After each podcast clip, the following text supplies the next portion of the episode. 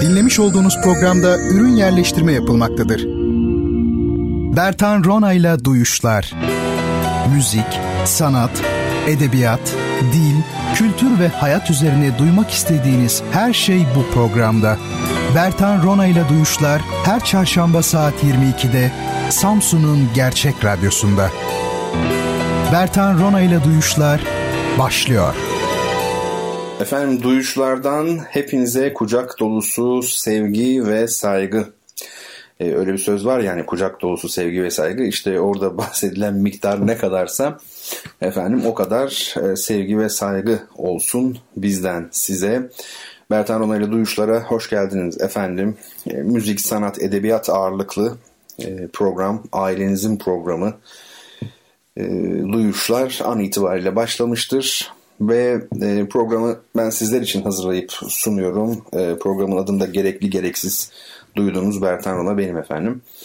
E, sevgili dostlar, e, önce sosyal medya hesaplarımızı bir duyuralım. E, sadece Bertan Rona aslında o kadar. E, Twitter ve Instagram'da e, hesabımız budur.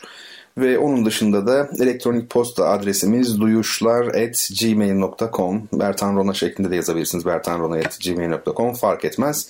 E, her türlü görüşlerinizi, önerilerinizi, eleştirilerinizi bize iletebilirsiniz. E, ulaşmak istediğiniz yani hangi konuda olursa olsun e, bu mecralardan bize ulaşabilirsiniz. Duyuşların kendi Twitter hesabı da var. Oradan da yazabilirsiniz.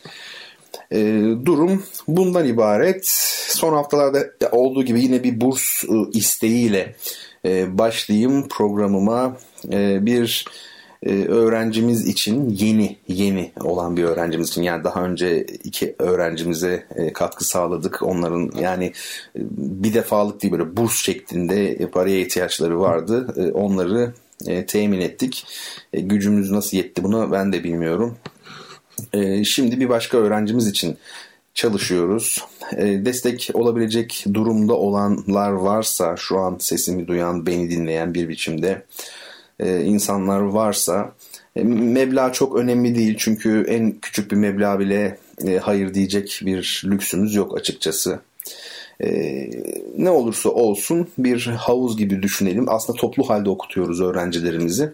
Destek olmak isteyen dostlar e, bana ulaşabilirler. Tabii e, bu salgın nedeniyle e, ekonomi biraz e, sıkıntı içinde yani zaten pek parlak olmayan ekonomi e, daha da aslında e, zorlanmış e, olabilir. İnsanlar önlerini göremiyorlar. E, artık hiç göremez oldular neredeyse. E, o bakımdan bizim bu burs arayışlarımızı da zorlaştırdı bu ama olsun biz e, isteyelim, duyuralım elimizden geldiği kadar. E, çıkanları da değerlendirelim. E, mesele bu. E, bugün aslında dün daha doğrusu benim için e, biraz özel bir gün oldu. Çünkü yaklaşık 5 aylık bir e, süreden bu yana e, üzerinde çalıştığım e, Koca Sinan operasının librettosunu tamamladım. Tabii 5 aydan beri üzerinde çalışıyorum derken sadece bununla ilgileniyorum, bunu çalışıyorum ya da masa başı çalışması gibi değil de e, bu bir sipariş olduğu için siparişi veren makamla işte görüşmeler, işte efendim toplantılara gittik, geldik, işte başka şeyler. E, yani bir düzenli bir şekilde masa başında yazma e, olarak algılamayın. Ama e, sonuçta e, libretto tabii ki yolda yine düzelecektir, bazı değişiklikler olacaktır e, kompozisyon işin içine girdiğinde ama e, %90 e, oranda yani bitti e, diyebilirim. O anlamda son noktayı e, koydum biraz böyle hangi yıldayız der gibiyim açıkçası. E, şöyle bir etrafıma bakıyorum filan. İşte eşim dostum işte Bertan dediklerinde hani hiç tanımıyormuş gibi buyurun böyle. Ee, öyle bir durumdayım açıkçası. Ee, sadece okumak ve yazmak istiyorum. Yani çok çok uzun zamandır istediğim ama yapamadığım bir şey bu. Ee, bu kapsamda sevgili Emin ee, sevgili Fatih, e, onlar benden bir dönüş bekliyorlar biliyorum. E, ama artık rahatladım. Şimdi onların bana gönderdikleri e, emanetlere bir bakacağım tabii ki. Ve daha sonra da kendileriyle e, görüşeceğiz. Bu gecikme için özür dileriz efendim. E, sebebini o bakımdan açıklama ihtiyacı duydum. Şimdi bu geceki hediye kitaplarımız biraz e, böyle fantastik kurgu korku türü şeyler oldu. Frankenstein değil mi? Mary Shelley'nin ünlü eseri artık klasikleşmiş yapıtlar bunlar. Bir de Dracula Bram Stoker'ın eseri. E, bu gece bunları alma imkanınız var. Nasıl alacaksınız? Ben size her zamanki gibi soru soracağım. Bu sorulara cevap veren ilk kişi olabilirseniz her birine ayrı ayrı bizler de e, kitabınızı size göndereceğiz. Çok sevgili dinleyicilerim. Efendim bu geçtiğimiz haftalarda bir şey olmuş ya çok e, yani tuhaf, komik, ayıp yani söyleyeceğim şey hiç yani neresinden tutsan olmayacak bir şey. Christoph Penderecki 20. yüzyılın daha doğrusu 45 sonrası müziğin bizim öyle bir tabirimiz vardır. 45 e, sonrası müzik ayrıdır çünkü başka bir şeydir o. 1945 sonrası burada da Polonya e, ekolü kuvvetlidir. Alman ve İtalyan ekolleri de öyle, Fransız ekolü de öyle. E, Polonya ekolünden ama öyle zannediyorum ki yani 45 sonrasının zannediyorum en büyük bestecisi Christoph Penderecki vefat etmiş. Burada komik olan, ayıp olan şey şu tuhaf yani ayıptan ziyade 29 e, Mart'ta vefat etmiş e, Penderecki ve benim bundan hiç haberim olmamış. Bu zannediyorum libretto ile ilgili yine. Zaten öyle hani çok fazla gündemi takip edebilen eden biri değilim. Aslında etmem gerekir. Bunu böyle bir e, övünerek söylemiyorum kesinlikle. Yani insan tabii ki gündemi takip etmeli, yaşadığı ülkede, dünyada neler olup bittiğinden haberdar olmalı şüphesiz. Bunun üzerinde düşünmeli de. E, hatta bunu değiştirmeye de çalışmalı. Yani hiçbirimiz bunlardan bağışık değiliz aslında. Yani toplum ne kadar refah toplumuysa o kadar uzaklaşırız bu konulardan. Değil mi yani mesela Norveç'te siyaset çok daha az yer işgal ediyordur. Bu çok normal ama 2. Dünya Savaşı döneminde çok daha fazla işgal ediyordu. Yani böyle kamplar sıkılaştığı zaman tabii ki bir şey ifade eder. Şimdi gündemden hani o anlamda çok fazla şeyim yok haberim yok ama bir şekilde ben e, ne bileyim yani Pendereçki'nin e, vefat ettiği haberini alırdım ama alamamışım. E, geçen bu uzaktan eğitim var ya uzaktan eğitim dersleri o kapsamda e, bir işte ders yapıyorum. Pendereçki'den bahsettim. Bu şeyden yapıyorsunuz. Adobe, Adobe mi, Adobe mu, Connect var ya o tahtadan işte anlatıyorum ve yazıyorum aynı zamanda. Öğrenciler de soru soruyorlar tabii. E, bir chat şeyi var yani. Ondan sonra ben Pendereçki'den falan örnek verdim. O an yaşayan en büyük besteci falan gibi bir şey çıktı herhalde ağzımdan. Bir öğrencim hocam Pendereçki öldü diye yazmış. Nasıl olur falan dedim. Aa, bir girdim e, şeye internete. Hakikaten de öyle. Tabii çok büyük bir kayıp. Pendereçki 1933 doğumlu. Demek ki 87 yaşında vefat etmiş oluyor. Ee, yani 45 sonrası müziğin bütün tekniklerini, e, efendime söyleyeyim farklı anlayışlarını belki de e, bir tek pota içerisinde eritmeyi başarmış çok enteresan bir söyleyişe ulaşmış. Çok ağır başlı ve çok ciddi bir üslubu olan bir besteci. Bir taraftan koyu bir katolik işte bu Gregorius ezgilerini değerlendiriyor. Ancak bunu atonal bir şekilde ortaya koymuş oluyor. 20. yüzyıl müziğinin bütün parametreleri de var içerisinde. Ama kişisel stili de var. Tabii çağdaş müzik çok kapalı bir müziktir. Bilgiç bir müziktir e, heveskarları korkutur daha baştan. E, Pendereç ile zannediyorum bunların en ağırlarından biri. Ama yazdığı böyle daha e, melodik, daha akıcı tabii müzikler de var onu söyleyelim. E, ben hem kitapların bu geceki hediye kitaplarımızın Frankenstein ile Dracula'nın hem de e, Penderecki'nin fotoğraflarını Instagram'a yükledim. İşte programın başında bahsettiğim mesele de buydu zaten. E, bu haftalar hele tesbih dosyamız var ki görseller önem kazanıyor.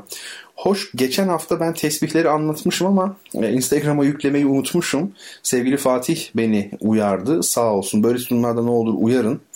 Ben de e, ne yaptım? Tabii ki yükledim tekrar Instagram'a. Çünkü bu programları SoundCloud üzerinden daha sonra dinleyen çok fazla insan var. Defter tutarak dinleyenler var. Biliyorum, tanıyorum ismen cismen. O nedenle dedim ki orada bulunsun yani hep Instagram hesabıyla bağlantılı şekilde bulunsun istedim. Ve e, yükledim. Pendereçkin'de fotoğrafları var bu gece için. Biri işte e, daha güncel bir fotoğrafı ama öbürü yani dördüncü fotoğraf siyah beyaz olan Pendereçkin'in gençliği. E, benim de konservatuarda bir bestecilik öğrencisi olduğum yıllarda çok hayran olduğum e, görüntü yani fotoğraflardan biridir bu. E, bu şöyle bir şey söyleyeyim. E, hatta bu benim e, var ya bir Twitter'da falan fotoğrafım böyle gözlüklü. İşte o gözlük aslında bu tür e, bu pendereçinin fotoğrafı var ya siyah beyaz. Yani bir başka fotoğraftı belki ama yine aynen böyle pendereçi ve bu tür bir gözlük vardı. Ona böyle özenerek hani yaşım 18-19 falan hani o tür bir şey gözlüktü. Onu söyleyeyim zor bulmuştum zaten. Ee, çocukluk şeyleri işte ama model almak güzel tabii çünkü gelişiyorsunuz o zaman yani. Ee, bir şey söyleyeyim size Pendereçki ile ilgili. Şimdi kompozisyon yarışmalarına katılıyorsunuz mesela değil mi? Efendim bu yarışmaya girdiğiniz zaman rumuz kullanıyorsunuz. Çünkü jürinin sizi tanımaması lazım. Ben jürideyim diyelim. Sevgili Fatih de jüride, Emin de jüride. Üçümüz jüri üyesiyiz. Bize partiturlar gelecek. Partitur ne demek? Bir senfoninin, bir konçertonun böyle büyük eserlerin notasına partitur deniyor.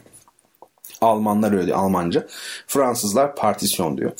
Şimdi biz bunu aldık diyelim bu notaları. E biz kimin katıldığını bilirsek değil mi? Olmaz. Ona göre yani duygusallığa kapılabiliriz, tanıyor olabiliriz, torpil olabilir filan. O yüzden notaların üzerinde sadece rumuz vardır. Sadece rumuz. Mesela biri Phoenix yazar. Biri Toros yazar. Mesela yani her, ne istiyorsanız yazıyorsunuz. Öyle başvuruyorsunuz yarışmaya. Ee, 1955 yılında e, böyle yine Polonya bestecileri yarışması gibi büyük bir yarışma yapılıyor Polonya'da. Ve yarışma sonucu bir açıklanıyor. Allah Allah bir çok enteresan bir e, şey var, durum var. Bu sene diyorlar üçüncü yok. Yani üçüncülüğe değer eser ya yok. İkinciliğe layık eser de e, görmedik. Hiçbir esere ikincilik de vermedik. Biz üç ayrı esere de birincilik verdik. Yani üç eser birbirinden güzel. Hepsini birinci ilan ediyorlar. Yani bir tanesine ikinci bir tanesi üçüncü diyemiyor jüri. Hepsi birinci olacak kadar güzel. Üçü de e, işte farklı rumuzlarda tabii. Sonra bir açılıyor rumuzlar. Üçü de Christoph Penderecki. Yani üç ayrı rumuzla, üç ayrı isimle yarışmaya katılmış.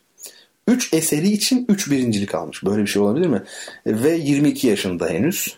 Bu enteresan bir e, şeydir, e, hikayedir. Yani yaşanmış tabii ki. Çok büyük eserleri var. Şimdi e, şey, çağdaş müzik programına döndürmeyeyim yani. Ama ikinci keman konçertosu Metamorphose'un efendime söyleyeyim Anne Sophie Mutter için yazdığı e, Tabea Zimmerman için yazdığı viola konçertosu, Hiroşima kurbanlarına ağıt, efendim Senluk pasyonu, orada ne cümleler vardır ya ezbere yani çok dinledik onları. Ede gresus ivat secundum cons vetudenem en molte molivarum. Latince çok güzel değil mi? Eşsiz bir şey, dil. Peki, şimdi efendim Türk musikisinin batı müziğine etkilerinden söz etmiştik biz. Ee, geçen hafta hatırlarsanız. Şimdi bu etkiler e, üzerinde duracağız. Yani durmaya devam edelim. Ee, ben çünkü bunları size bir kitaptan aslında okumuştum. Okumak demeyeyim de böyle değerlendirerek gitmiştik. Niye öyle dedim ki bayağı da okumuştum yani. Ama değerlendirme de yaptık. Şimdi bu kaldığımız yerden devam etmeliyiz ki e, makaleyi bitirmiş olalım. Yarım kalmasın yani bu hoş bir şey olmaz. E, benim hocam olan e, son derece sevdiğim e, Sayın e, Profesör Doktor Necati Gedikli'nin e, bir kitabı bu. Bilimselliğin merceğinde geleneksel musikilerimiz ve sorunları adlı bir kitap. Orada bir e, makale var. E, adından da anlaşılacağı gibi, kitabın adından anlaşılacağı gibi Türk musikisiyle ilgili bir e, makale bu. Başlığı da Türk musikisinin Batı müziğine etkileri, Batı musikisine etkileriydi. E, hatırlayacaksınız geçen hafta bayağı bir şey buradan okumuştum. Yani ne kadar ilginç bizim e, müziğimiz ne kadar çok etkilemiş Batı müziğini demiştik. E, şimdi şöyle devam ediyor.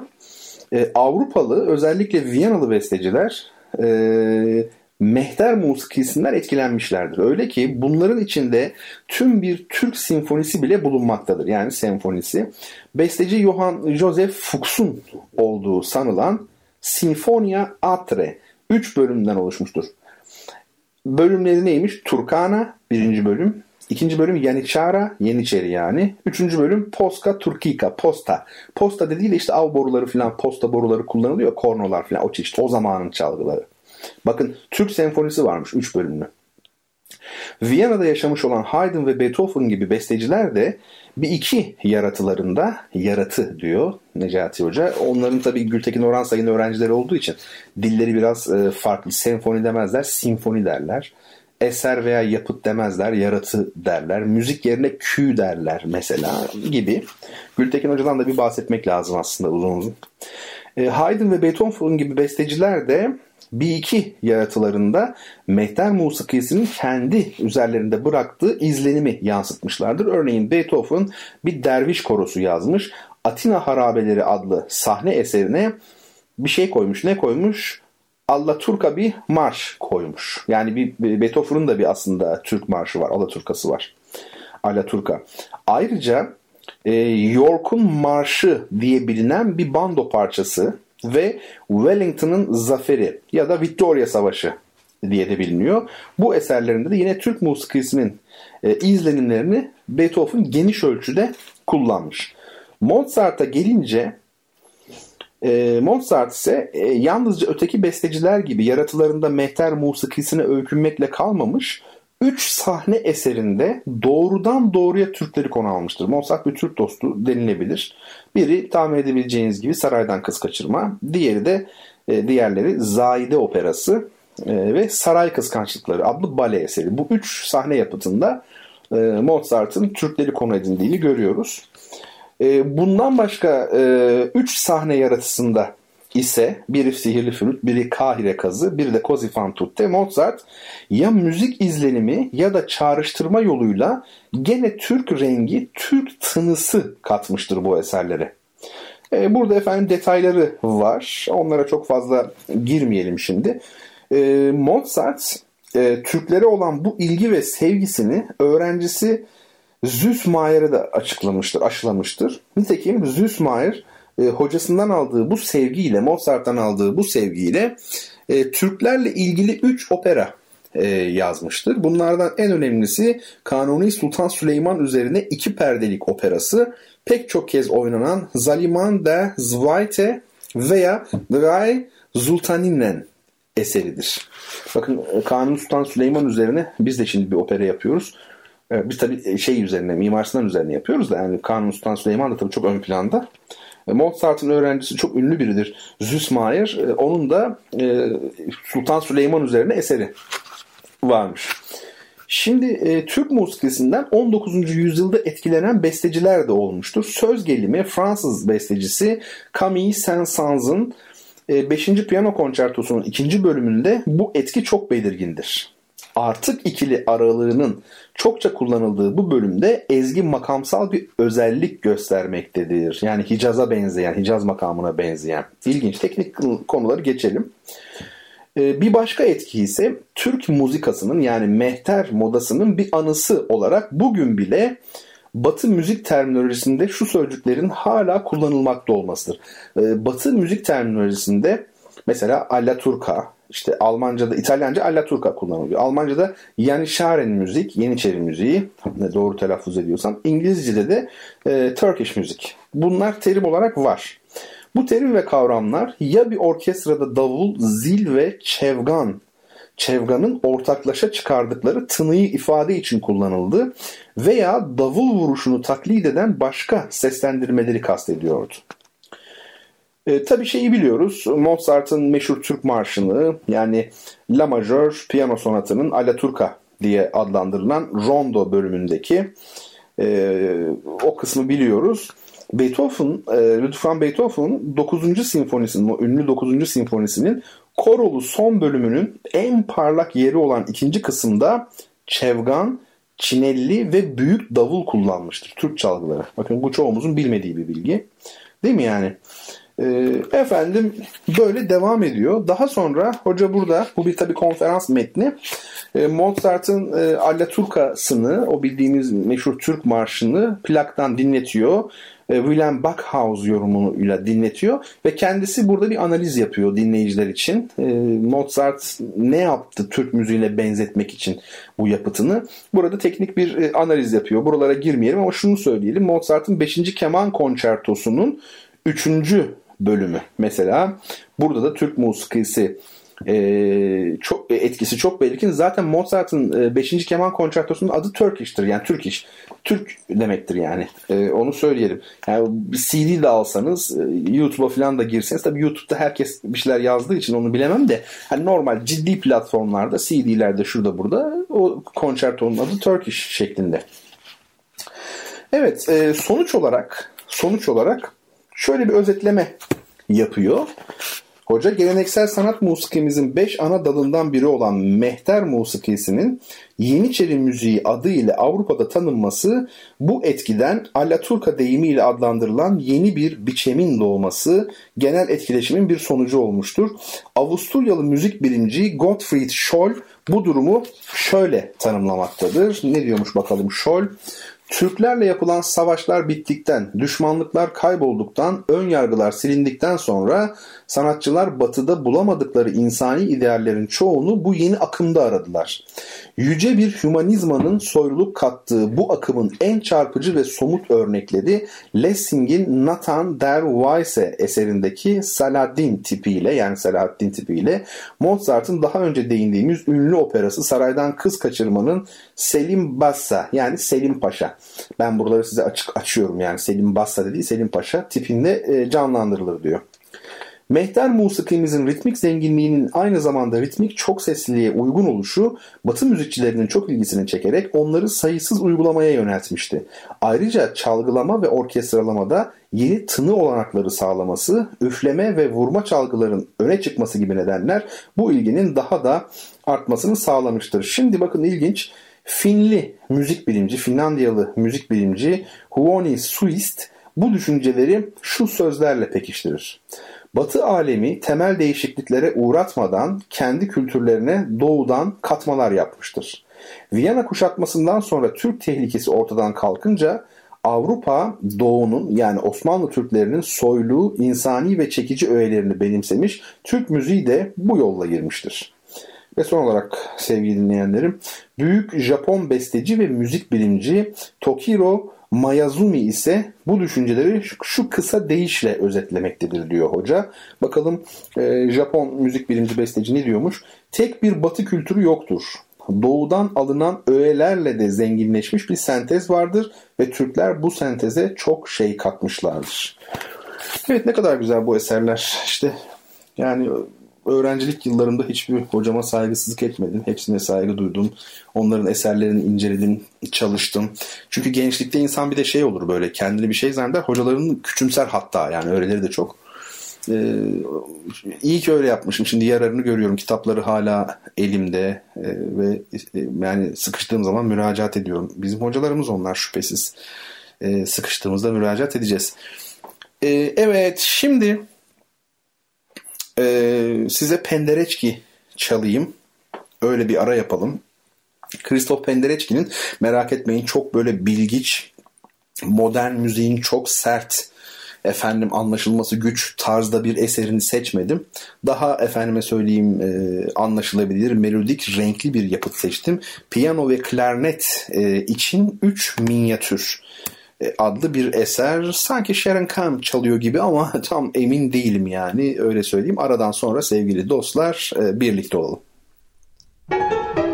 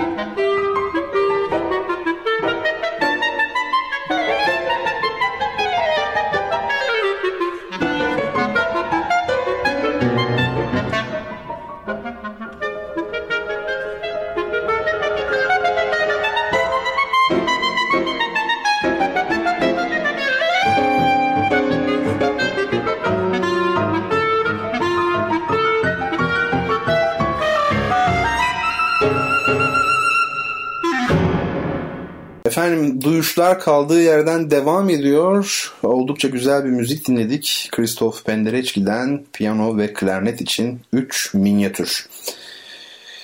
Evet, e, Türk musikisinin Batı musikisine etkilerini e, konuştuk. Geçen hafta başlamıştık. Bu hafta devam ettik. Öyle zannediyorum ki bu kapsamda bir hayli zengin materyal e, olduğunu sizler de gördünüz, fark ettiniz, anladınız. Hakikaten tabii bu sahada çalışmak müzikologların işi. Ancak her e, insanın her her Türkiye Cumhuriyeti vatandaşının da bu konuda bilinçli olması e, gerekiyor. Çünkü biz kapalı bir toplum değiliz aslında değildik veya e, dünyaya açık bir e, geçmişimiz vardı öyle söyleyelim ve bu kapsamda Avrupa'nın sanat müziğini çok ciddi manada etkileyen bir müziğimiz var. Özellikle askeri müzik yoluyla da olsa ciddi manada etkileyen bir e, müziğimiz, sanatımız var. Bunu bilmek gerekiyor tabii. Ben de bir Kültür Bakanlığı projesinde aslında e, görev aldım son zamanlarda ama hemen bu salgın e, girdi araya. Bir toplantı yapabildik öyle e, kaldı. Tabii bu e, proje kapsamında da e, Türk musikisi ile e, Batı müziği arasındaki etkileşim e, üzerine e, bazı şeyler söylenebilir idi. E, yani işin böyle de bir kısmı vardı. Ben de ilk toplantıya e, bu konuda böyle bir dosya e, hazırlayarak gitmiştim. Kendi bildiklerimden e, yola çıkarak hazırlamıştım. Tabii e, detaylı olarak üzerinde çalışılabilecek bir dosya. Yani eğer kabul görürse e, oradaki bakış açısı, oradaki ana iddia, sav kabul görürse o kapsamda çalışılabilecek olan bir halde sunuldu aslında dosya. O dosyadan da sonra geldi aslında bu okuduğum makale aklıma. Tabi dosyayı sunmak derken öyle çok kapsamlı bir şey hazırlamış e, değilim. Hatta çoğu yer yarımdı. Daha ziyade böyle sesli bir düşünme gibi kendime yönelik burayı sonra yaz filan. Normalde bir böyle formal toplantıda sunulacak bir şey değil. Orada sadece tabi e, yazılı olarak da bulunması gerektiği için onları e, takdim ettim ama daha çok ben anlatmıştım.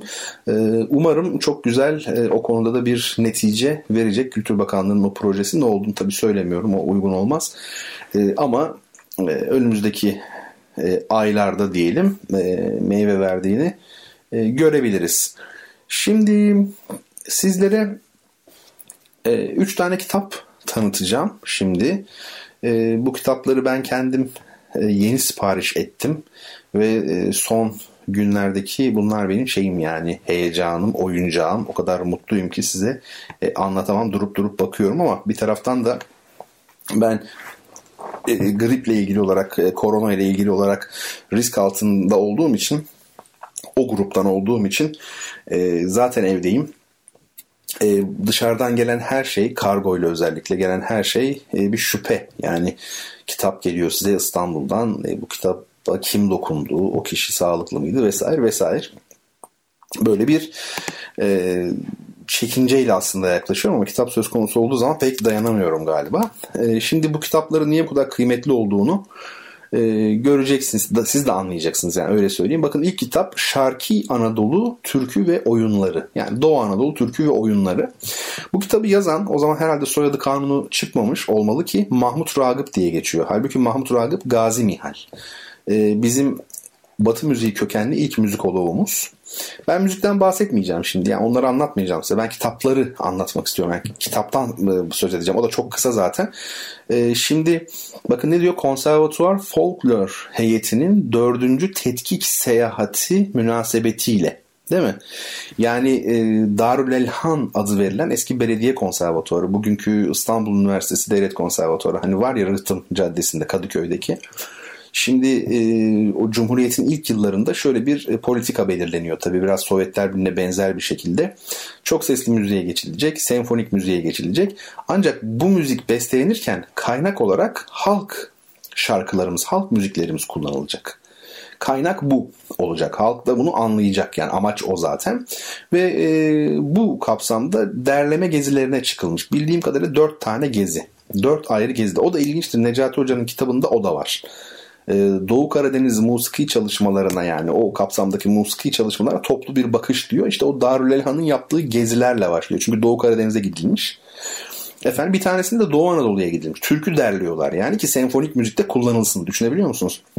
Ve e, büyük bir çalışma tabii. E, orada işte bu gezilerden bir tanesi münasebetiyle diyor. Onun üzerine bu kitabı yazmış Mahmut Ragıp Gazimiye. Kendisi de muhtemelen var o seyahatte.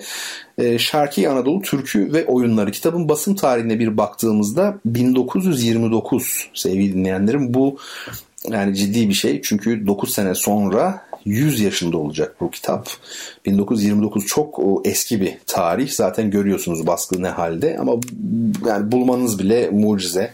E, kolay kolay e, bulunmuyor. Ben takipteyim zaten. Ben hani anlıyorum e, hangi kitap nasıl kapak sırt bilmem nesi nasıl şusu busu işte değerine öyle şeyler yapıyorlar ki çok üç kağıt var yani her alanda olduğu gibi. Bir sonraki kitaba bakalım. Onu da yine Instagram'dan bakabilirsiniz.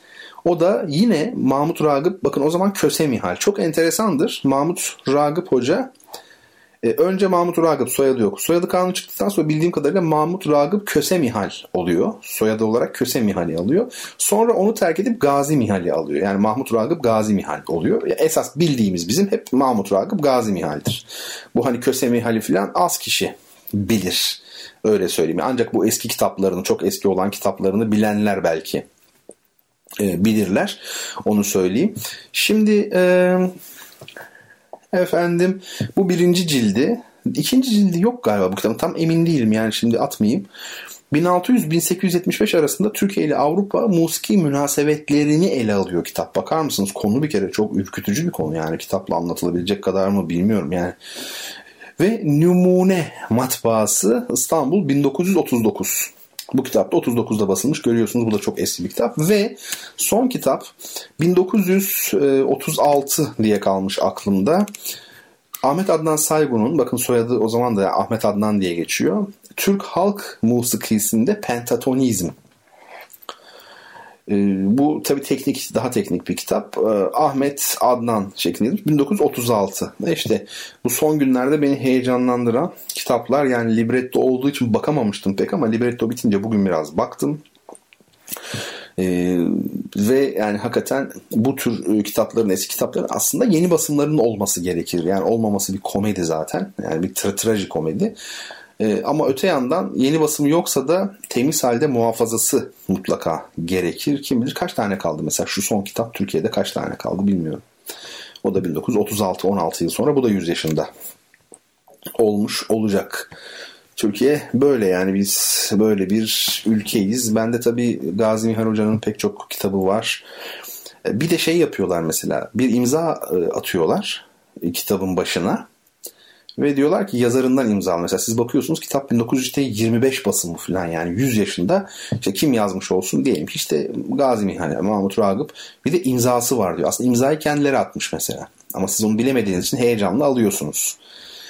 Yani bir kere zaten bir kitapçının öyle bir imza meselesiyle ilgili olarak gördüğünde şunu demesi lazım. Valla bana da böyle geldi ben bilmiyorum emin diyemem. Yani dürüstlük bunu gerektirir ama tabii e, esnaflıkta ticaret ticaretten kolay değil böyle e, söyleyebilmek. Onu da anlıyorum. E, yani ama şu var. Biz tabii belli isimlerin imzaları orijinal mi değil mi anlıyoruz. Çünkü o hocalar bizim hocalarımız ya da hocalarımızın hocası. Yani ben mesela Ahmet Adnan Saygun'un bir imzalı kitabı olsa elimde örnek veriyorum olsaydı ben konservatuar öğrenciliğimde e, onu hemen hocama götürüp kendi hocama götürüp hocam bu Saygun'un imzası mı diye sorabilirdim. Çünkü Saygun benim hocamın hocasıydı. Benim hocam da biliyordu ezbere onun yazısını, imzasını. E, bende de var zaten bir tane bu arada ondan hiçbir sebebi yoktu aslında söylememin ama söylemek istedim yani. Bir tane imzalı Saygun'um var. Yani Saygun'un el yazısı var elimde. Bu güzel bir şey. Bir de şey var. Ne var? Ee, Gazi Mihal'in de var. Hem de iki ayrı kitaptan galiba. İşte onlar tabii artık belgesel değeri olan şeyler, çalışmalar. Çok daha başka da var. Mithat Fenmen'in var mesela. Ona bulunmaz kolay kolay. Mithat Fenmen dediğim İdil Biret'in hocası. Ee, peki, şimdi size bir soru sorayım aradan önce. Kısa yap- yapacağım, tutacağım çünkü oldukça e, geciktim belli sebeplerle yani bir sıkıntı dolayısıyla biraz e, daha doğrusu uzun tutmamak zorundayım. Yani kısa tutmak demeyeyim de çok uzun e, değil. Soru şöyle, sorumu sorayım ondan sonra da araya gidelim. E şimdi benim ilgi alanlarımı işte e, nelerden hoşlandığımı, hobilerimi falan, e, hobi kelimesi bana çok yüzeysel gelmiştir her zaman ama bunları öğrenmişsinizdir. Nedir? Üç tane şey var temelde. Satranç, ilgi alanlarım çok fantastik değil mi? Tesbih. Bunu yeni açıkladım. Saklamıştım bugüne kadar. Ve coğrafya. Yani coğrafya hastasıyım yani. E şimdi bu üç konuda hakikaten ilgim var. Şimdi ben size e, şeyim de var böyle eski nesneleri falan seviyorum. Kütle taş, doğal taşlar var ya kütle olarak satılan onlar. Yok efendim retro dedikleri bu eski efemera efendim eski saattir şudur budur mesela o tip şeyler hepsi ilgimi çekiyor. Pul koleksiyonum dahi vardır ortaokuldan kalma ama esas satranç, tesbih ve şey coğrafya diyelim ilgi alanlarım. Matematik de biraz öyle. Şimdi ee, yine sonuncusundan yani coğrafyadan soracağım ben bir tane. E, siz de bu soruya cevap veren ilk dinleyicim olacaksınız ve kitabınızı alacaksınız. Efendim sorum şöyle. Doğu Karadeniz dağlarının Doğu Karadeniz dağlarının iki bölümünü ne demek iki bölümü? Doğu Karadeniz'de iki sıra dağ var aslında. Bir tanesi hemen sahilden içeriye doğru çıkınca başlayan bu kaçkarların falan olduğu yani sahilden bir müddet sonra başlayan kıyı şeridinden. Bir tanesi de Doğu Anadolu tarafına doğru yani o ilk sıra dağın arkasındaki sıra dağlar. iç kısımda var. iki şey var. Tamam mı? Bu iki bölümü Doğu Karadeniz dağlarının bu iki bölümünü birbirinden ayıran tektonik kökenli olduğu anlaşılan ve kabaca Samsun'dan kabaca söylüyorum Artvin'e kadar uzanan vadi oluğunun adı nedir? Karadeniz'deki yani Doğu Karadeniz dağlarının iki bölümünü birbirinden ayıran vadi oluğu. Bunu efendime söyleyeyim e, soruyorum ve çok ilginç değişik bir müzik. Burnovalio Sirto. Sirto bildiğimiz bir Sirto. Burnovalio Sirto efendim dinleyelim. Arkasından duyuşlar devam etsin. Müzik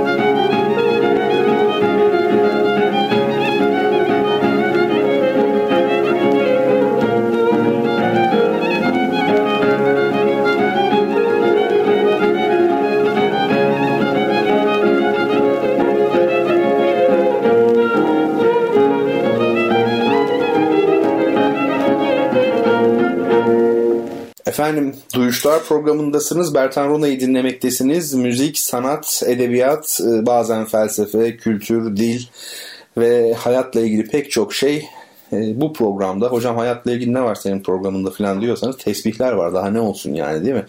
E, tesbih kadar hayatın içinde bir şey var mıdır acaba?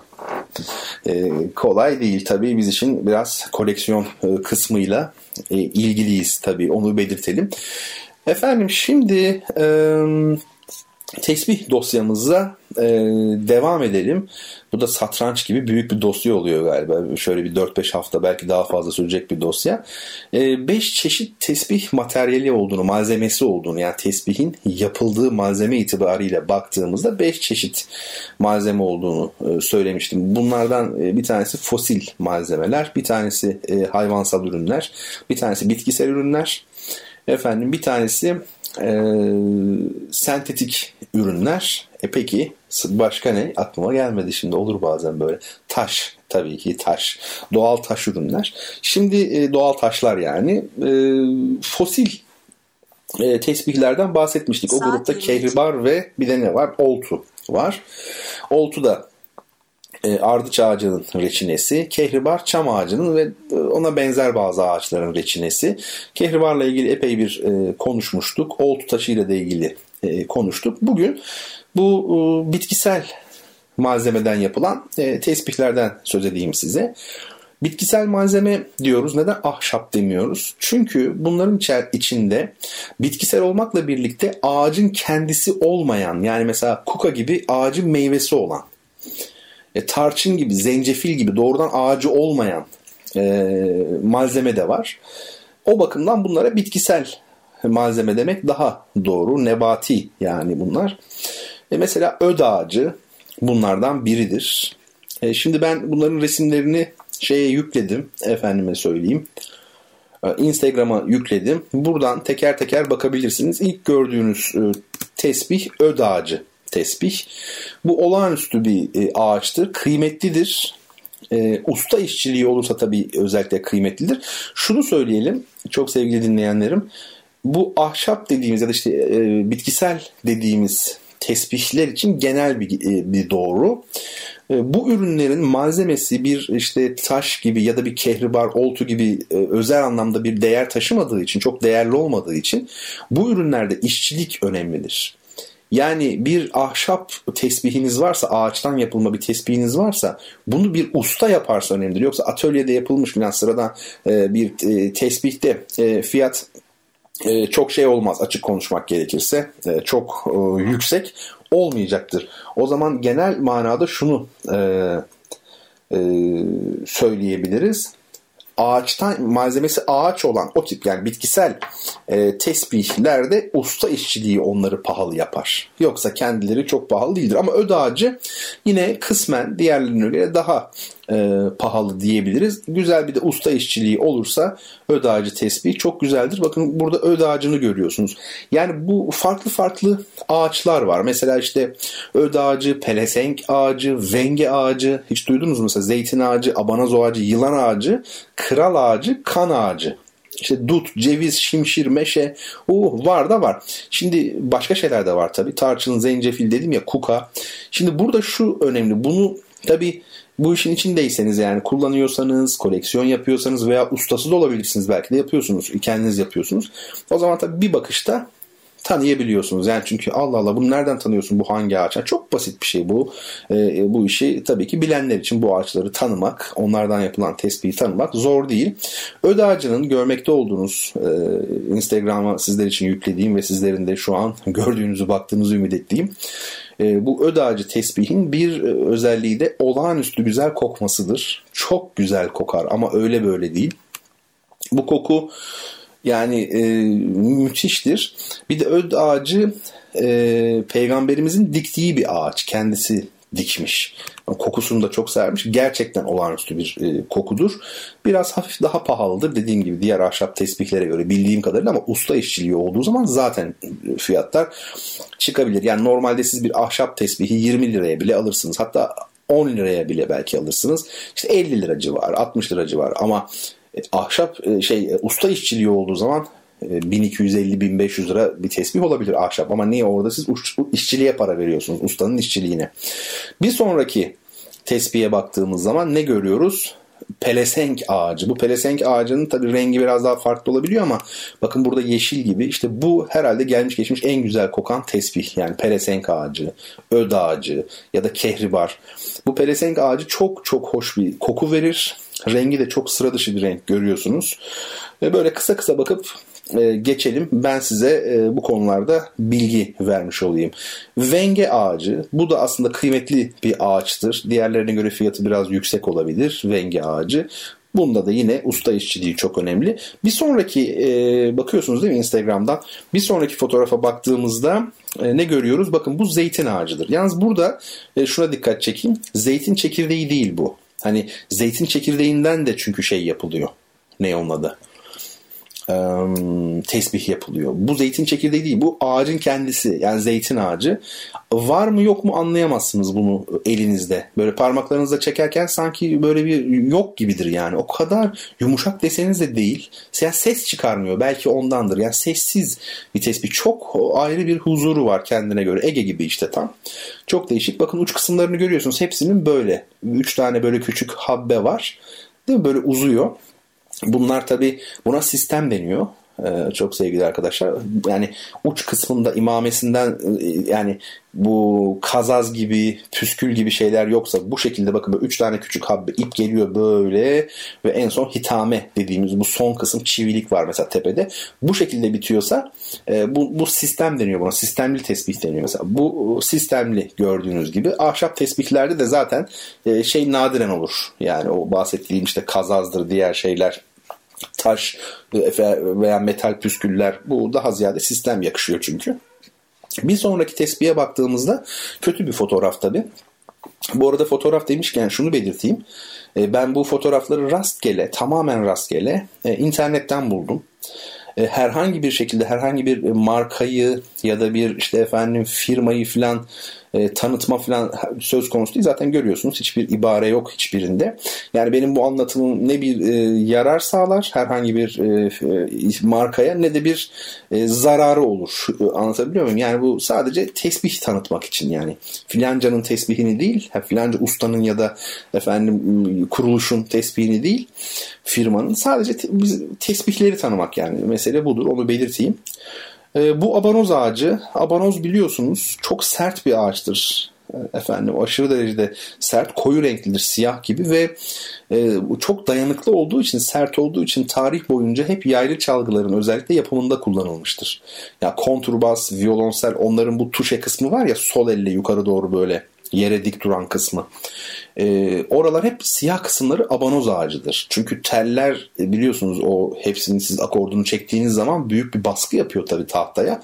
E, şeye özellikle tuşeye onun yamulmaması lazım zaman içinde. O bakımdan çok sert olduğu için abanoz ağacı e, e, tercih edilmiş. Çok değerli bir ağaçtır. Hele bir de usta işçiliğiyle iyi bir tespih bulursanız abanoz ağacından e, bir hayli maliyetli ve e, koleksiyona uygun saklanabilecek yapıda olur onu size söyleyeyim. Bir sonraki tesbih yine e, kıymetli ağaçlardan diyebiliriz. Yılan ağacı. Bakın görüyorsunuz. Hızlı geçeyim biraz. Yılan ağacından sonra ne var? Bakın bu da sistemli görüyor musunuz yılan ağacı?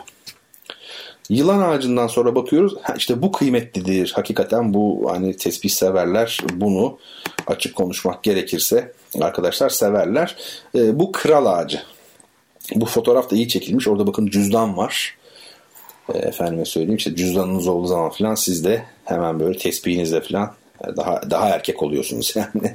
Değil mi yani erkek böyle duruyor. Ee, çok güzel bir ağaçtır kral ağacı. Desenleri de çok güzel. İyi bir kral ağacı tesbih e, yakışır ama şöyle bir şey yani koleksiyonda olması gerekir. Bu e, erkeklerin de hali duman. Onu da belirtelim yani. Şimdi tamam erke- kadınların çok aksesuarı var filan. Erkeklerin hiçbir şeyi yok. Adamcağızın bir tesbihi var filan diyorlar ya bazen. Ya şimdi e, hakikaten erkeklerin hiçbir şeyi yok. Hani tesbih bana göre bir aksesuar sayılmaz yani tutup da tesbih alınca çok şık oldu filan. O, o anlamda söylemiyorum. E, şunu söylüyorum yani e, mesela en basitinden dizi izliyorsunuz Muhteşem Yüzyıl. Orada bakıyorsunuz kadın kıyafetlerine, erkek kıyafetlerine neredeyse aynı ya. Erkek kıyafetleri böyle süslü, parlak değil mi? Hatta erkekler makyaj yapıyor falan filanmış eskiden. E şimdi bakıyorsunuz aradan geçmiş birkaç yüzyıl Erkek kıyafetleri nedir abi Allah aşkına bir füme takım falan lacivert takım dümdüz böyle. Hiçbir ne bir süs ne bir işleme yani ruh, böyle şey ölü gibi. Korkunç. Renk yok, süs yok falan çok kötü. O, yani o bakımda erkeklerin hali duman yani onu da söyleyeyim o ayrı bir şey. Ve bir sonraki tesbihe geçelim. İşte kan ağacı. Kan ağacı bazen süsleme olarak da kullanılıyor. Mesela ben çok gördüm. Deve ağacı, kan ağacı süslemeli deve kemiği. Mesela deve kemiğinden yapılma tesbihler var. Ee, o hayvansal gruba geleceğiz. Konuşacağız orada. Bazı başka meseleleri de konuşacağız tabii orada. Burada işte şey görüyorsunuz. Ee, kan ağacı tespih. O deve kemiğine kan ağacından işleme yapıyorlar. Bu da sistemli iyi bir kan ağacı tespihte diğer ahşaplara göre maliyetlidir. Peki hangi ahşaplara göre maliyetlidir? Deminden beri bazı ağaçlardan bahsediyorum. Mesela şimşir, meşe, Bunlar çok mütevazı tespihler. 5 liraya e, tesbih var. Şimşir tesbih 5 liraya. Yani bunları e, atölyede böyle seri olarak üretiyorlar filan. Efendim e, şimdi ona da geleceğiz. Önce devam edelim. Bakın mesela e, ne var burada? Sarımtırak bir renk gördünüz mü? Bu dut ağacı. Hep bu renkte olmaz tabii. Farklı renklerde de olur. Bu sarı rengine mesela bakın e, şeyin ipi çok e, böyle bir kahverengi falan yakışmış yani. Bu dut ağacı. Peki dut ağacından sonra gelen nedir? O da ceviz ağacı. Anadolu'da çok yaygın olarak kullanılan. Ama şimdi ben özellikle gelecek olan şu iki tespitten bahsetmek istiyorum. Tespitten değil de malzemesinden. Bakın bu şimşir bir sonraki. Bu böyle yuvarlak yuvarlak rondel gibi kesmişler ya. Bu şimşir. Arkadaşlar şimşir bizim kendi Anadolu'da e, çok fazla var olan atasözlerimizde bile vardır ya yani kel başa şimşir tarak diye. Ee, öyle bir güzel çekimi var ki bunun. O kadar zevkli ki, o kadar lezzetli ki böyle sesi efendim o elinizde bıraktığı his şimşir ağacından yapılma tesbih. Şimşir. Ama yüzüne bakan yok. Çok aşırı ucuz ve neden? Bizim kendi malımız çünkü. Yani ben anlamıyorum. Şimdi kızacağım zaten biraz. Bir sonraki tespihe bakın. İşte en gösterişsiz, en garibim meşe. Meşe Anadolu'nun has ağacıdır. Roma İmparatorluğu döneminde bile buradan meşe gidiyordu Roma'ya. O kadar e, Anadolu ile özdeşleşmiş bir ağaçtır. Bizim kendi meşemiz, has meşemiz. Bir, ben size bir şey söyleyeyim. Şimdi özellikle gençler böyle kandırılmaya çok meyilli olanlar, müsait olanlar, bu işi bilmeyenler illa işte kehribar tespih alacağım, işte oltu tespih alacağım filan. 150 e, lira veriyor mesela bir tespih alıyor. İşte abi diyor bu şey mi? Kehribar mı? Ya 150 liraya zaten kehribar sen olabileceğini düşünüyorsan hiç almasaydın keşke. Seni kandırmışlar. Kehribar olur mu ya? Kehribar 1500'den başlar. Yani en en en en kötüsü. Kötü demeyeyim de yani boyutu küçüktür bir şeydir falan filan. Ee, dolayısıyla e, şimdi herkeste bir sevda. Çünkü gösteriş esas mesele e, koleksiyon yapmak bunu bir kültür olarak algılamak araştırmak okumak kendini geliştirmek değil. Ya şu köyde ileride Erzurum'da bir usta varmış gideyim bir gece ona misafir olayım çayını içeyim falan bir de röportaj yapayım. Böyle şeyler değil. Ne? Alayım elime falan böyle bir sallayayım hatta. Ondan sonra desinler ki işte benim işte filancanın kehribar tespihi var. Şimdi e, halbuki Bakın bu e, ben ben benim elimden her türlü tespih neredeyse geçti. Yani bu türlerin hepsinden bende böyle çok fazla var anlamda demiyorum ama bu ana kategorilerdeki tespihleri biliyorum. İnanın belki de en güzel çekim lezzeti olan hani elinizde parmağınızla böyle çekerken en hoş e, böyle benim e, zevk aldığım tesbihlerden biri en ucuzu olan meşe tesbih. Yani şu fotoğrafta gördüğünüz tesbih 10 lira arkadaşlar 15 lira. Maliyeti daha da ucuzdur. Hiçbir şey yok burada. Bir ip var. Ondan sonra hemen kesmişler makinede, tornada mı artık nasılsa dizmişler. Ama yani e, kandırılmanın da bir anlamı yok yani. Öyle değil mi? Al bir meşe tespih kardeşim çok istiyorsan. Paran da çok sınırlıysa e, dünyanın bana göre en güzel tesbihlerinden biridir. Bir insan hangi tesbih seviyorsa o tesbih en iyisidir bu arada. Yani şu başkalarının söylemeleri, piyasanın bilmem nesi falan bu dominasyonlar bunlara yani geçelim ya bunları kendi e, sevdiğimiz, kendi beğendiğimiz şey ne, kendi ilgimiz ne bunların üzerinde duralım aslında. Mesele biraz budur. Ve e, tarçın ağacı bir daha sonra tarçın bir sonraki tesbih. E, bu çok ilginizi çekecek diye düşünüyorum. Bu ve bir sonraki bakın bir sonraki de e, şey zencefil. Allah Allah diyeceksiniz. Evet tarçın tesbih var. Zencefil tesbih var. İşte bunlar ağaç olmadığı için ama bitkisel ürün olduğu için işte o, o sebeple bitkisel grup diyoruz bunlara. Arkadaşlar bunları benim bildiğim kadarıyla bakın bu tarçını Bir de bu şey e, zencefili. Bir öncekine bakın tekrar mesela meşeye bakın. Meşe ağaçtan kesilmiş direkt. Yani yekpare.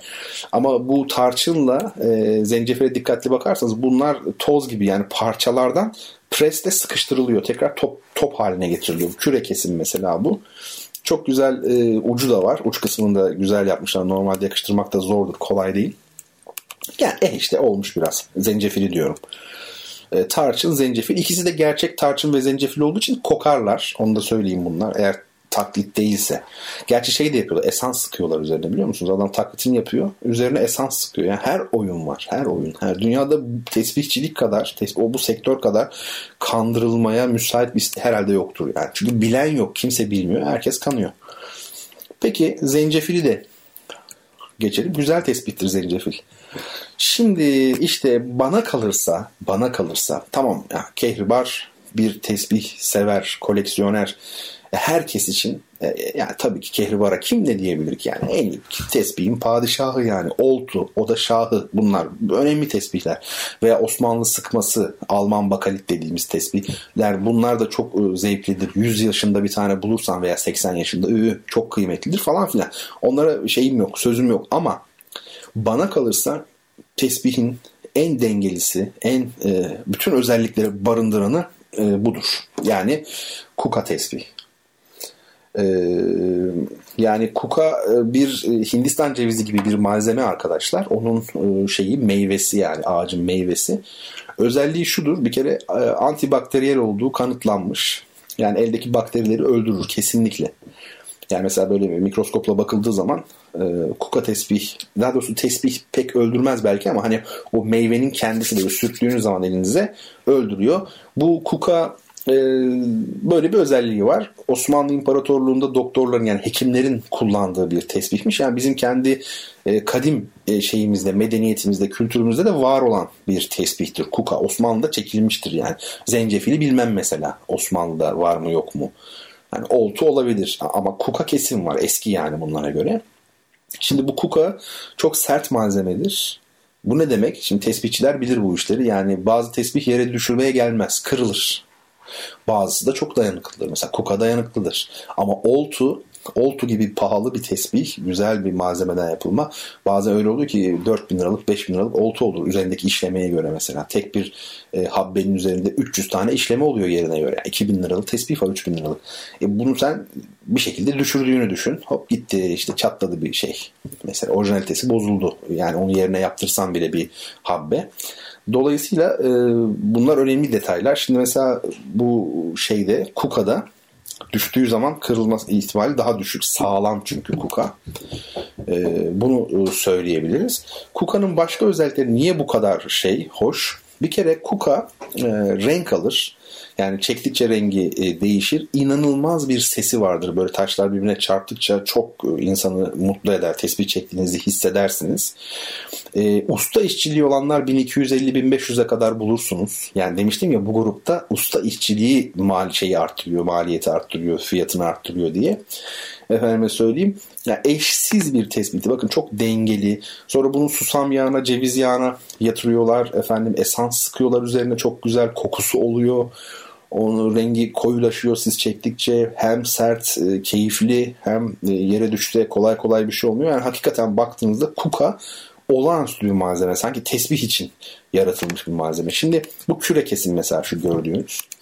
Şu bir bakalım sonrakine böyle işlemeliler de var bakın görüyor musunuz? Böyle işleme yapmışlar. Mesela o e, hitame kısmıyla imamesi e, muhtemelen deve kemiğinden ve her bir e, habbenin yani tanenin üzerine kuka tanelerinin üzerine de bakın e, çalışılmış. Mesela ne oluyor? Bu böyle yapılınca fiyatı artar tabii çünkü işçi adam e, senin e, hayrına çalışmıyor. İşçi dedim pardon usta yani zaten az sayıda usta var. O da e, tabii ki ona göre bir fiyat söylüyor. Bakın bu, bu da kuka bir sonraki siyah olan. Bu da kuka ancak bu üzerine çok fazla işleme yapılmış, emek verilmiş bir tespih fiyatı da daha yüksek olur bunların. Eğer gerçekten usta yaptıysa tabii bunu hep taklitlerine hep her hepsine usta işi diyorlar ama bu usta işi değil gibi görünüyor. Bir sonraki tesbihe şöyle bir bakalım. Çok sevgili arkadaşlar. İşte bakın bu usta işçiliğine benziyor biraz. Nereden anlarız usta işçiliği bir tesbihi? Bakın bir kere imameyi görüyor musunuz? Ne kadar ince desenleri var, çalışılmış figürler var. Hem alt kısmında imamenin, imame dediğim şu yukarı doğru ortada dik olan kısım. Hem de üst kısmında efendim çok güzel şeyler var. E, işlemeler var, süslemeler var. Hitame kısmı yani bu ipin de en ucunda yerde duran kısım var ya mesela bakın orada da inanılmaz derecede işçilik var. Ve tabii orada bakın ipin hemen o, o kısımda bir küçük plaka var metal. Orada o ne o? Onu gördüyseniz o zaten bir ustaya ait demektir. Kendi amblemi, kendi adı bir şeyi yazar. Bu tespih muhtemelen daha pahalı olmuş oluyor. Neden? Çünkü usta işçiliği var. Yoksa kuka malzemesi ne olacak? Ha, bu arada bazen hani soruluyor ya kuka kuka tespihim var acaba gerçek mi değil mi? Ya kuka ise gerçektir. Çünkü kuka pahalı bir malzeme değil ki adam onun sahtesini yapmakla uğraşsın. Orada işçilik önemli. Tesbihin boyutu önemli filan. Bu e, muhtemelen daha iyi, daha pahalı bir tespih. Bir de bakın dikkatli baktığınız zaman tanelerin üzerinde hep böyle delikler, çizikler falan görürsünüz. E, bu Kuka'da oluyor. Şimdi onları alıyorlar sözüm ona filan. Hani daha pahalı filan şu ama çok da önemli değil. Ve son iki fotoğraf sadece renk göstermek için. Bakın e, bu şimdiki fotoğrafta ilk Kuka tespihi aldığınızda rengi bu. Bir sonrakine bakın son fotoğraf olmuş oluyor. İşte çektiğiniz zaman tespih bir süre sonra belki bir yıl içinde bilmiyorum. Bu kişiden kişiye göre değişiyor. E, bu hale gelir hatta daha da koyu olur. Siyaha çalmaya başlar. Kuka o da makbuldür. Kimisi beklemiyor. Kınayla ya da bilmem ne yağına yatırarak filan bu koyulaştırmaya çalışıyorlar. Bu konuda da bilginiz olsun. Nasıl iyi gidiyor değil mi şeyimiz? Tespit dosyamız. Evet. Peki. Şimdi e, size bir soru hemen e, sorayım. Ya da önce şeyin cevabını vereyim. Çoruh Kelkit Vadi oluğuydu. Soru da şu müzeye gitmeden evvel Bertan Rona ile Duyuşlar programının başladığı tarih nedir? Soru bu. Duyuşların başladığı tarihi soruyorum ve hemen bir e, Yahudi şarkısı olan Oyfin Pripetşike gidiyoruz sevgili dinleyenler.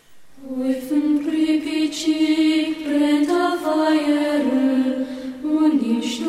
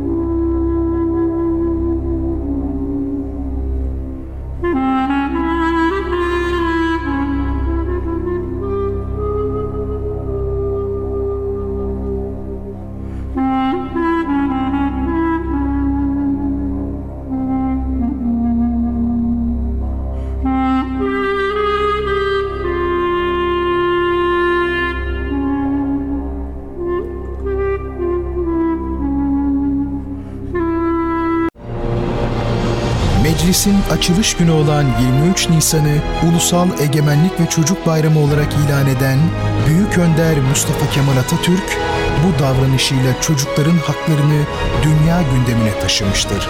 23 Nisan Ulusal Egemenlik ve Çocuk Bayramınız kutlu olsun. Radyo Gerçek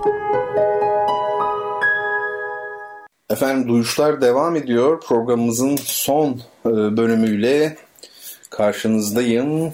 Az önce sizlere bir soru sordum. Dedim ki Pertan Rona ile Duyuşlar programının öyle geldi içinden yani hani bir programla ilgili bir soru sorayım dedim herhalde pek yapmadığımız bir şey. E, Duyuşlar programının başladığı tarih nedir diye sordum. Doğru cevap 15 Şubat 2017 olacaktı. Ben e, soruların cevaplarını ilk veren Twitter üzerinden mention olarak ilk veren dinleyicilerimizden adlarını, soyadlarını, tabii bizde yoksa adresleri, bazı arkadaşlarımız artık sıklıkla programa zaten hani devam ediyorlar ve kitapta e, alıyorlar. O nedenle biliyoruz tabii onların adreslerini ama e, diğer dinleyicilerim lütfen adlarını, soyadlarını, adreslerini ve telefon numaralarını yazsınlar ki kitaplarını kendilerine ulaştırabilelim. Şimdi ee, az önce dinlediğimiz müzik tabii çok enteresan bu Şinlerin Listesi filmini bilirsiniz. Oradan bir e, parça John Williams'ın bestelediği ve yine Yahudi kemancı Itzhak Perlman'ın çaldığı değil mi? Ha, o ana temaydı galiba değil mi? Bu başka. E, bu tabi bu film çıktığında 1993 ya da 94 yanlış hatırlamıyorsam e, şey çok kötü oldu. The Remains of the Day diye bir film vardı o dönemde. E, Ivor'ın filmi galiba. O film e, gürültüye gitti. Yani Schindler'in listesi aldı bütün ödülleri. Bu film böyle kaldı. Yani ne yazık ki aslında çok çok iyi bir filmdi onu da söyleyeyim size. Şimdi bu e, Schindler'in listesi e, ni ben çok gözledim bunu. Böyle yalan ya bu filmdekiler falan. Hani Yahudi soykırımı yok. Bunlar işte İsrail'e yerleşmek için uydurulmuş şeyler falan gibi bazı düşünceler var. Bunu çok sıklıkla görüyoruz. İşte Almanya'da belli yerler ziyaret edilirken işte bir toplama kampına falan Auschwitz'e, Birkenau'ya falan gidildiğinde e, efendim oraya gitmeyen yani Türk vatandaşı olanlardan bahsediyorum. Türkiye Cumhuriyeti vatandaşı. İşte ben girmem buraya. Bu şey yani aslında baktığınızda e, tamamen bir ırkçılık halini e, aldığını görüyorsunuz bu meselenin. Bizde hani şöyle bir şey işte bizim milletimizde ırkçılık yoktur falan denir ya. Ya o çok e, ilginç bir söylem. Yani acaba yok mudur, var mıdır bu tartışılır. Ben ciddi anlamda olduğunu düşünüyorum. Bugünlerde bu Suriyeliler meselesi var tabii. O kapsamda da e, görüyoruz ama böyle e, şimdi gösterilen tepkilerin de ne sebeple ve hangi koşullar altında gösterildiğini de bil, bilmek, düşünmek lazım. Yoksa insanları böyle hemen bir etiketle yapıştırdım falan ya öyle yağma yok onu da söyleyelim. Şimdi ben hani hep deniyor ya bizim işte milletimizde ırkçılık yoktur diye ben öyle olduğunu düşünmüyorum. Ee, Cumhuriyet sonrasında Türkiye'de ciddi bir ırkçılaşma eğilimi olduğu görülüyor. Bunun siyasal, sosyal, sosyoekonomik sebepleri var. Yer yer kültürel sebepleri var. E, tabii bu biraz da böyle e, şimdi din, Hristiyanlık olsun, İslamiyet olsun, Yahudiliği saymazsak yani hep e, aslında ümmetçidir. Ümmetçilik üzerine kuruldur ama aslında uygulamada baktığınızda o ümmetçilikle ırkçılık arasında hiçbir farkın kalmadığını görüyorsunuz. Bugün e, siyaseten e, Türkiye'de hangi e, partilerin tabanlarının e, hangi topluluklardan oluştuğu ve o e, insanların hangi tür bir yaşayış tarzı içinde olduğu, hayata bakışı falan şusu busu düşünülürse söylemek istediğim çok net anlaşılacaktır. Yani hani dinde ırkçılık yoktur. Tamam bu o, akide düzeyinde böyle olabilir ama uygulamada kesinlikle ben böyle olmadığını e, düşünüyorum. E, zaten ben Türkiye'de de İslam'ın değil, İslam'ın bir parodisinin e, yaşandığı kanaatindeyim. Yani o da ayrı bir şey. Bu dinlediğimizde işte bir Yahudi şarkısı. Şimdi çok ilginç. Orada sözlerinde diyor ki işte haham diyor çocuklara diyor öğretir falan filan şu bu diyor. Bir şeyler söylüyor. Ya önemli değil. Şu var burada bu şarkıda da yani tarihsel siyasal olaylarla, tarihsel siyasal olanla dini olanın birleştirildiğini görüyoruz. Yani e, bunu unutma mesela deniyor işte efendim çocuğa. Yani e, bugün mesela baktığınızda e, İslam e, toplumlarının tıpkı Yahudiler gibi yani İsrail gibi aşırı siyasallaştığını görürsünüz. Aşırı bir siyasal bir toplumdur Türkiye toplumu mesela. Çok siyasaldır. Siyaset gündelik hayatımızın çok büyük bir kısmını kapsar. İsrail de aynı şekilde. Bunun tabii nedenleri var. Yani mesela Norveç'te kaplamıyordur ben eminim. Neden? Refahı yaşıyor. E, yine eminim 16. yüzyılın 17. yüzyılın İstanbul'unda yaşayan e, Türk e, vatandaş da e, siyasetle ilgilenmiyordu. Çünkü refahı yerindeydi, mutluydu, efendim zengindi vesaire vesaire. Ama tabii 3. Dünya ülkelerine baktığınızda e, siyasi çekişmeler çok kuvvetli. Her birinde bir tarafta e, yurtseverler var, bir tarafta emperyalist devletlerin e, tahakkümü var. Bu arada bir mücadele var. Efendime söyleyeyim. Şimdi e, o bakımdan işte İsrail'de çok siyasallaşmış bir toplum, Türkiye'de çok siyasallaşmış bir toplum ve bu açıdan birbirlerine çok fazla benziyorlar. Çok fazla. Yani o kadar benziyoruz ki anlatamam yani askeri bir millet olmamız falan vesaire pek çok şey. E, onu söyleyelim. Neyse Oyfim Püpetçik dinlemiş olduk. E, efendime söyleyeyim. E, sorunun cevabını da verdik. Kitap hediyesini göndereceğiz mutlaka. E, ben e, bir iki tane şey e, soru geldi bana bu hafta. E, üç tane geldi de yani ikisi cevaplanabilecek ev safta bir tam soru değil. E şöyle hocam diyor bir soru ben Erzurum'da sizin söyleşinize gelmiştim. O günden beridir de arkadaşlarla sizi hep dinliyoruz takip ediyoruz. E, ama hocam saygısızlık olur mu bilmiyorum. İnşallah bana kızmazsınız. Neden kitabınız hiç yok? Biz arkadaşlarla konuşuyoruz. Kitabınız olsa anlattıklarınızı hep bir arada bulabileceğiz. Tekrar özür dilerim hocam. İnşallah haddimizi de aşmadık. Arkadaşların size hep selamı var. Hürmetler güzel hocam. Tabii e, mektubun ben olması gereken kısmını okudum. Ben bu arkadaşı hatırladım galiba. E, kongre için geçen sene gittiğimde e, müzik bölümünden de öğrenciler vardı. Belki de onlar, belki değil bilmiyorum. E, şimdi aslında çok güzel bir soru. Burada hiç benim kızacağım bir şey yok. Niye kızayım yani? E, güzel bir soru. Ya ben kitap konusunda çok istekli olmadım bugüne kadar. İstediğim zamanlar da oldu. Ya kitap çıkarayım dediğim zamanlar da oldu ama onlar o kadar sınırlı zaman dilimleridir ki anlatamam. Yani bir kere yazdıklarımı basmak için yazmadım. Yani yazmak için bile yazmadım. Yani içimden bir şey geldi oraya karaladım yani o kadar. Hep öyle. Ee, benim ilk çıkan kitabım İstanbul Koşukları kitabıdır. O kitaptaki metinler 2007-2008 yılına ait metinler ama basılması 2015. O zamana kadar çünkü aradan kaç yıl geçmiş oldu? 7 yıl. Hiç aklımın ucundan bile geçmedi bunun kitap haline getirme. Sonra eşin dostun önce tavsiyesi sonra ısrarı sonra baskısı e, sonucunda efendime söyleyeyim e, bir şekilde çıktı kitap olarak. Şimdi onu genişleteceğim bu arada onu da söyleyeyim. Adını değiştireceğim onun. Zaten adı başkaydı aslında. O ilk esas adını koyacağım. Bazı ek metinlerle o, o hali alacak ve bir daha değişmeyecek inşallah. E, İstanbul'u izliyorum ağzım açık. Onun ismi. Zaten içindeki ilk şiir öyleydi. Yani İstanbul'u dinliyorum gözlerim kapalıya bir tabii Nazire anlaşıldığı gibi. Ee, şimdi yani uzun zaman öyle hiç ilgi duymadım. Bir müzikoloji kapsamında bir kitabım var. O da e, bir arkadaşımın yine ısrarıyla birlikte hazırladığımız, çok kısa bir zamanda e, hazırladığımız bir kitap. Ee, şimdi e, ben ne bileyim yani her şeyin bir zamanı var herhalde hayatta. Şimdi geldi belki zamanı. Bir de mesela eskiden insanlar önce bir birikim yaparlarmış. Yani birikim yapmak için değil. Adam yaşıyor, tecrübe kazanıyor, bir şey oluyor falan yani. Ondan sonra doluyor ve artık yazıyor, yazar oluyor. Ya bizde adam önce yazar oluyor. Kadın önce yazar oluyor yani. Önce yaz, bir yazar oluyor. Ta, oldu mu? Oldu zaten yazar. O etiket çünkü o yani o yapıştırılmış bir addan ibaret. Ama o yapıştırıldı mı da hani mesela bir kişi ünlü ilan edilse mesela şöhretli bu ünlü. Ünlü diye bir şey var mesela ünlü. Tamam artık o ünlüdür. Hayat boyu ünlü devam edebilir yani. Ünlü çünkü. E niye ünlü? Ha önemi yok. Ünlü. Anlatabiliyor muyum? Bu da böyle yazar filan. Dolayısıyla e, önce bir dolmak lazım. Şimdi ben şimdi bu aralar bu son yıllarda filan yine çok koşturmacanın içinde oldum. Benim hadi söyleyeyim size yani. Bilgisayarım içinde yani çok fazla sayıda bazısı bitmiş bazısı yarım bazısı daha taslak halinde olan fikir olan kitap var farklı alanlarda yani sanat yani bildiğimiz yani resim ikonoloji tarzı olanlar var. Müzik zaten var edebiyat ağırlıklı olarak var felsefi şeyler olanlar var. Yani var böyle yani tesbih içinde var. Geçitler için karayolları geçitlerini aşırı derecede severim. Hobi o aslında bende yani karayolu geçitleri satranç tesbih. Şimdi şunu diyeceğim bunların zamanı geldi gibi hissediyorum. İşte dün de librettoyu bitirince biraz da böyle önüm açılmış gibi e, hissettim. Benim için bu dakikadan sonra esas mesele öncelik sırası. Yani hangisine ihtiyacı var insanların? Ha, çok okunacağını da zannetmiyorum zaten. Niye okunsun ayrıca yani okunması tamam iyi bir şeyse okunsun da hani iyi şeylerin o fark edilmesi, iyi olarak fark edilmesi bu hengamede pek mümkün değil açıkçası. Ee, yine de e, bizden sonra kalsın. Belki yararlı olur. Belki bugün insanlar bir şey bak arkadaş ne diyor işte. Hepsi bir arada bulunur diyor filan elimizin altında diyor.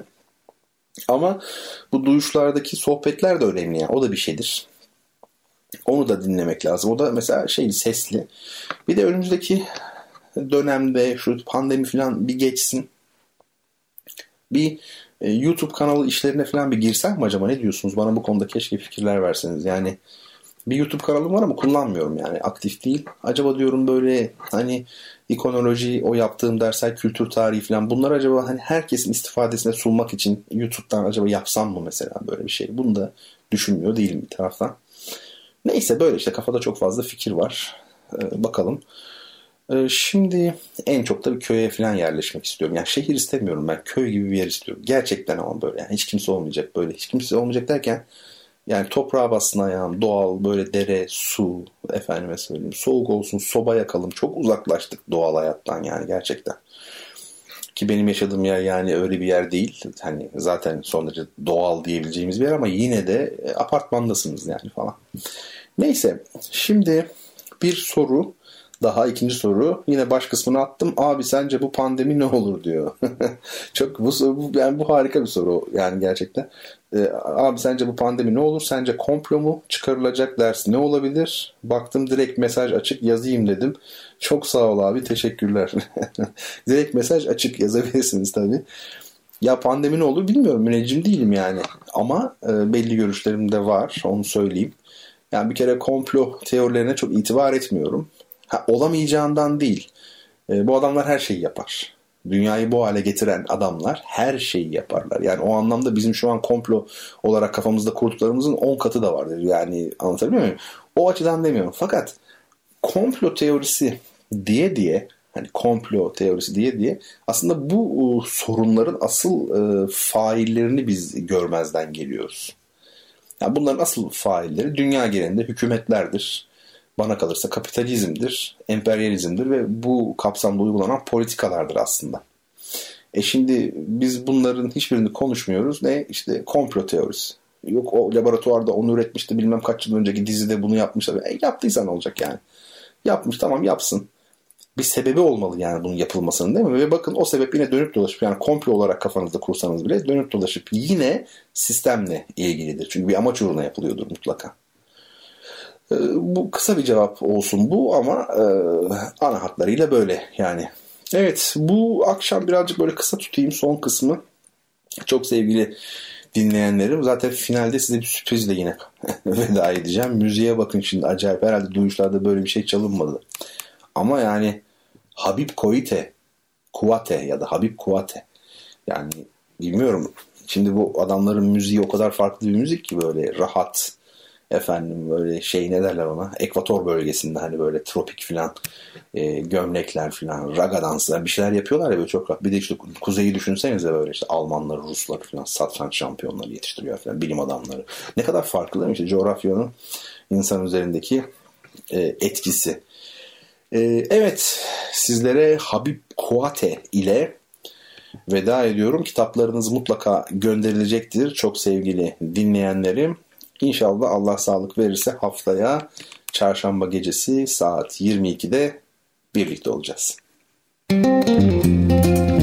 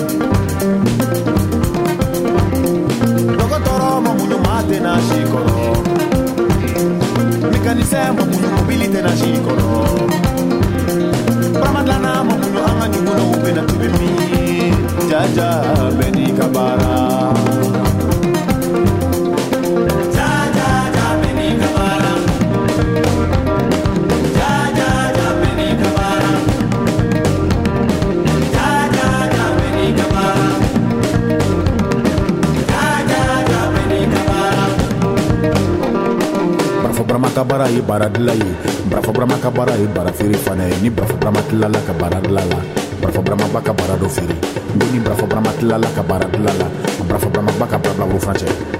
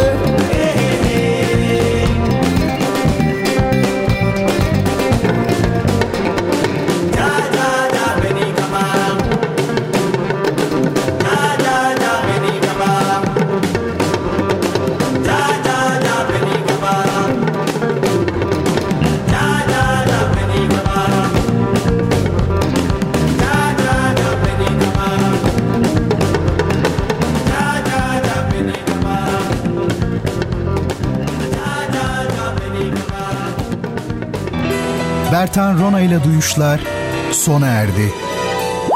Bu program hakkındaki düşüncelerinizi dinleyen et radyogercek.com adresine mail atarak bize ulaştırabilirsiniz. Dinlemiş olduğunuz programda ürün yerleştirme yapılmıştır.